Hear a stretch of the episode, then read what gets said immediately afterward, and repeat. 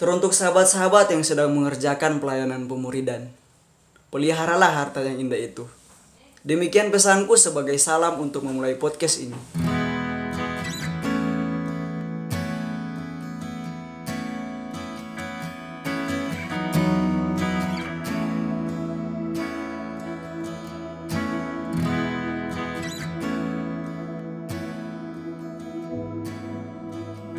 Ya, peliharalah harta yang indah itu. Demikian ujar Paulus kepada Timotius, anaknya yang terkasih. Itulah yang menjadi tema pembahasan kita kali ini. Dan sebelum saya menyampaikan lebih banyak lagi, perkenalkan nama saya Yoksan Tumpao. Maksud tujuan adanya podcast ini tidak terlepas dari kerinduan kami untuk menyampaikan berita firman Tuhan. Kami pun tahu bahwa Allah juga menolong kami untuk menyampaikan ini kepada teman-teman semua. Mari di saat ini saya mengajak kita semua untuk membuka dalam 2 Timotius pasal 1 ayat yang ke-9 sampai pasal 2 ayat yang ke-14. Silakan teman-teman menjeda podcast ini dan membaca Alkitab 2 Timotius pasal 1 ayat 9 sampai pasal 2 ayat 14. 2 Timotius adalah surat paling terakhir dan paling pribadi yang ditulis oleh Paulus saat dia sedang berada di dalam penjara yang ditunjukkan kepada rekan kerja dan anak didik terkasihnya yaitu Timotius. Dia sedang berada di tengah pengadilan yang tidak berlangsung dengan baik. Tapi dia cukup yakin bahwa dia tidak akan bertahan untuk yang satu ini. Sehingga dari situasi yang sangat buruk ini, Paulus memohon kepada Timotius yang sepertinya masih bertugas di Efesus. Dia meminta Timotius mendatanginya di penjara supaya Paulus dapat menyerahkan misi perintisan gereja yang sudah dimulai kepada Timotius. Rancangan surat ini cukup sederhana, yaitu bagian pertama dalam 2 Timotius pasal 1 ayat 1 sampai pasal 2 ayat yang ke-13 yang intinya Paulus menantang Timotius untuk menerima panggilan sebagai pemimpin. Bagian yang kedua dalam 2 Timotius 2 pasal 2 ayat yang ke-14 sampai pasal 4 ayat yang kelima. Sebelum mengunjungi Paulus, Timotius diminta untuk menghadapi guru-guru korup yang masih membuat masalah di Efesus. Pasal 2 Paulus mengatakan bahwa kasih karunia Yesus adalah sumber kekuatan dan kamu akan membutuhkannya. Karena dalam hal mengikuti Yesus tidaklah mudah. Mengikuti Yesus membutuhkan segala sesuatu yang kamu miliki. Paulus menyamakan mengikuti Yesus seperti prajurit yang menyenangkan komandannya, pasal 2 ayat yang keempat. Olahragawan melatih tubuhnya untuk mengikut pertandingan, ayat yang kelima, dan seperti petani yang bekerja keras, ayat yang keenam. Tiga kiasan ini melibatkan seseorang yang berkomitmen terhadap sesuatu yang lebih besar dari dirinya sendiri dan rela berkorban bertahan menghadapi semua tantangan untuk mencapai tujuan yang lebih besar.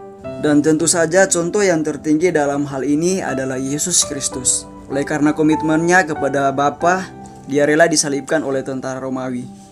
Demikian juga Paulus yang sedang disiksa dan dipenjara oleh tentara Romawi. Itulah kenapa kebangkitan Yesus adalah dasar dari pengharapan orang Kristen. Atau seperti yang ditulis Paulus dalam puisi pendeknya yang sangat hebat yang terdapat pada ayat 11 sampai 13. Benarlah perkataan ini. Jika kita mati dengan Dia, kita pun akan hidup dengan Dia. Jika kita bertekun, kita pun akan ikut memerintah dengan Dia. Jika kita menyangkal Dia, Dia pun akan menyangkal kita. Jika kita tidak setia, Dia tetap setia karena Dia tidak dapat menyangkal dirinya.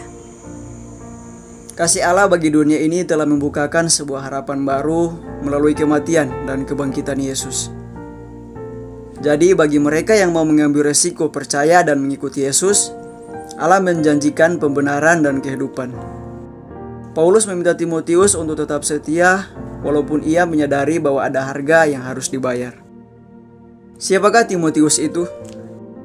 Mungkin dalam pembahasan ini saya tidak membahasnya secara rinci. Siapa itu Timotius? Dalam buku yang berjudul Kemurnian Ajaran dan Kehidupan adalah syarat inti menjadi bentara Kristus yang ditulis oleh John Stott, seorang tokoh Kristen dikenal juga sebagai pengkhotbah, penginjil dan penulis. Timotius adalah seorang muda yang kira-kira diangkat Paulus sebagai rekan kerjanya pada usianya 20 tahun Dan pada saat menerima surat ini, usianya kira-kira 35 tahun. Pada zaman dan konteksnya, usia 30-an masih terlalu muda untuk mengemban tugas-tugas kepemimpinan gereja. Seperti yang dihadapkan kepada Timotius, seorang yang sering jatuh sakit, pembawaannya mudah kalah muka, dan pemalu. Mungkin zaman sekarang ia akan disebut seorang introvert. Inilah Timotius, muda dalam usia, rapuh dalam perawakan, cenderung mengalah daripada maju tak gentar, namun terpanggil untuk mengemban tugas-tugas berat dalam gereja Allah. Sesuatu yang besar diletakkan di atas pundaknya, tapi sama seperti Musa dan Yeremia, dan sekian banyak lagi sebelum dan sesudah dia. Timotius teramat segan untuk menerimanya. Apakah di antara sahabat-sahabat yang mendengarkan podcast ini memiliki keadaan yang sama seperti Timotius? Mudah, lemah, dan pemalu. Tapi dipanggil Allah untuk menjadi pemimpin. Kalau ada, maka podcast ini mempunyai pesan yang khusus bagi Anda. Waktu Paulus menulis surat kepada Timotius, yang menjadi pokok pikirannya adalah Injil. Deposito kebenaran yang telah dinyatakan dan dipercayakan Allah kepadanya. Masa penugasan Rasul Paulus sebagai pemberita Injil sebenarnya sudah berakhir.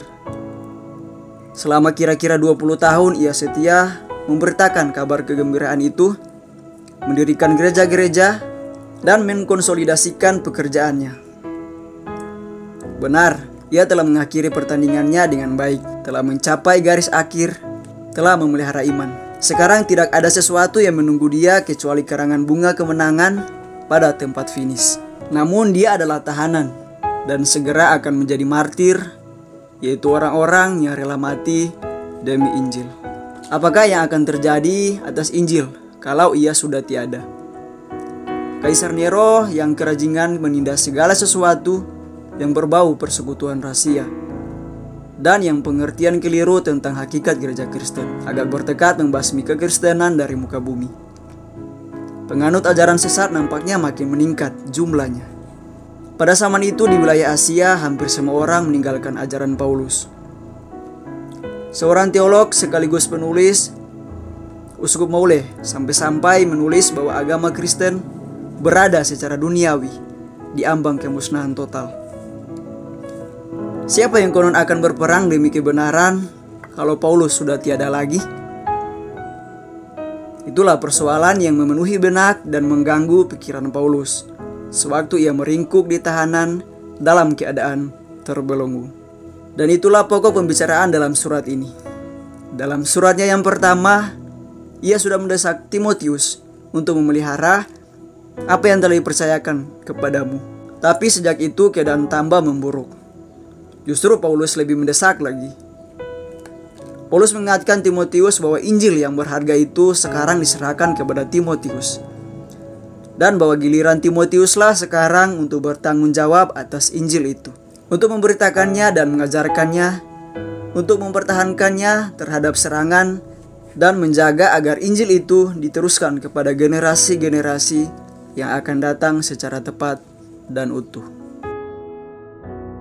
Bagaimana dengan kita? Maukah Anda bersedia mengerjakan panggilan itu? Jika Anda di posisi Timotius, apa yang Anda lakukan? Bagaimana responmu? Cukup sukar untuk menjawab. Ketika melihat zaman itu, pemberitaan Injil dianggap sebagai sebuah kejahatan. Mencoba untuk membayangkan kondisi dan orang-orang percaya waktu itu cukuplah membuat kita gentar. Bagaimana dengan kondisi sekarang? Seberat apakah tantangan yang kita hadapi? Adakah kendala yang membuatmu gentar? Kira-kira apa yang akan dikatakan Paulus atau Timotius ketika melihat kondisi pemuridan sekarang? Apakah Paulus akan bertahan pada pekabaran Injil jikalau dia hidup di zaman sekarang? Inilah pertanyaan-pertanyaan yang ada di benak saya ketika saya menyusun topik ini. Dan lihatlah, warisan yang terpenting dan paling utama sebagai orang Kristen adalah Injil. Surat Paulus ini merupakan surat yang sangat pribadi yang ditunjukkannya kepada Timotius, di mana menggambarkan seperti kakak kelompok dan adik kelompok kecilnya. Ya, Timotius adalah seorang dari murid Paulus yang sangat dipercaya, dipercayainya. Timotius sering menghabiskan waktu bersama Paulus dalam mengerjakan dan menjalankan pelayanannya. Paulus sampai-sampai menyebut Timotius anakku yang terkasih dan yang setia dalam Tuhan. Bukan saja karena kasihnya yang besar kepada Timotius sebagai teman, yang telah berhasil dibimbingnya menjadi pengikut Kristus. Tapi juga karena kepercayaannya kepada Timotius sebagai temanku sekerja. Dan saudara seiman kita dan rekan sekerja Allah dalam pemberitaan Injil Kristus. Berkat keprihatinan Timotius yang tulus pada kesejahteraan gereja-gereja dan berkat kesetiaannya dalam melayankan Injil bersama Paulus Paulus bahkan sampai mengatakan tidak ada seorang pun kepadaku seperti dia. Filipi pasal 2 ayat yang ke-20 sampai 22. Di antara rekan Paulus, Timotius memanglah unik.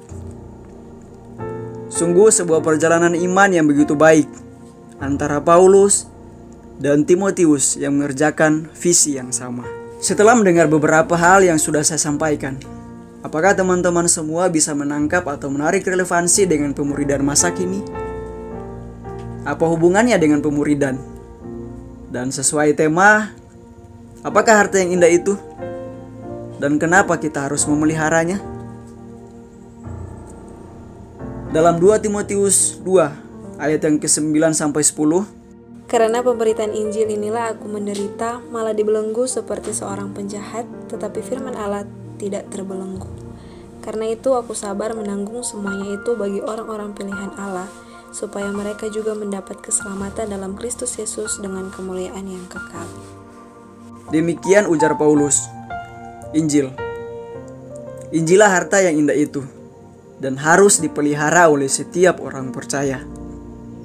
Injil yang membawa transformasi, kebenaran yang mengubah, kepercayaan yang menghasilkan pengharapan. Sebagai murid Kristus inilah yang menjadi bagian penting yang membawa spirit serta hasrat untuk terus teguh dalam iman yang membuat kita semakin taat. Keberanian itulah yang harus menjadi motivasi kita dalam mengerjakan pemuridan.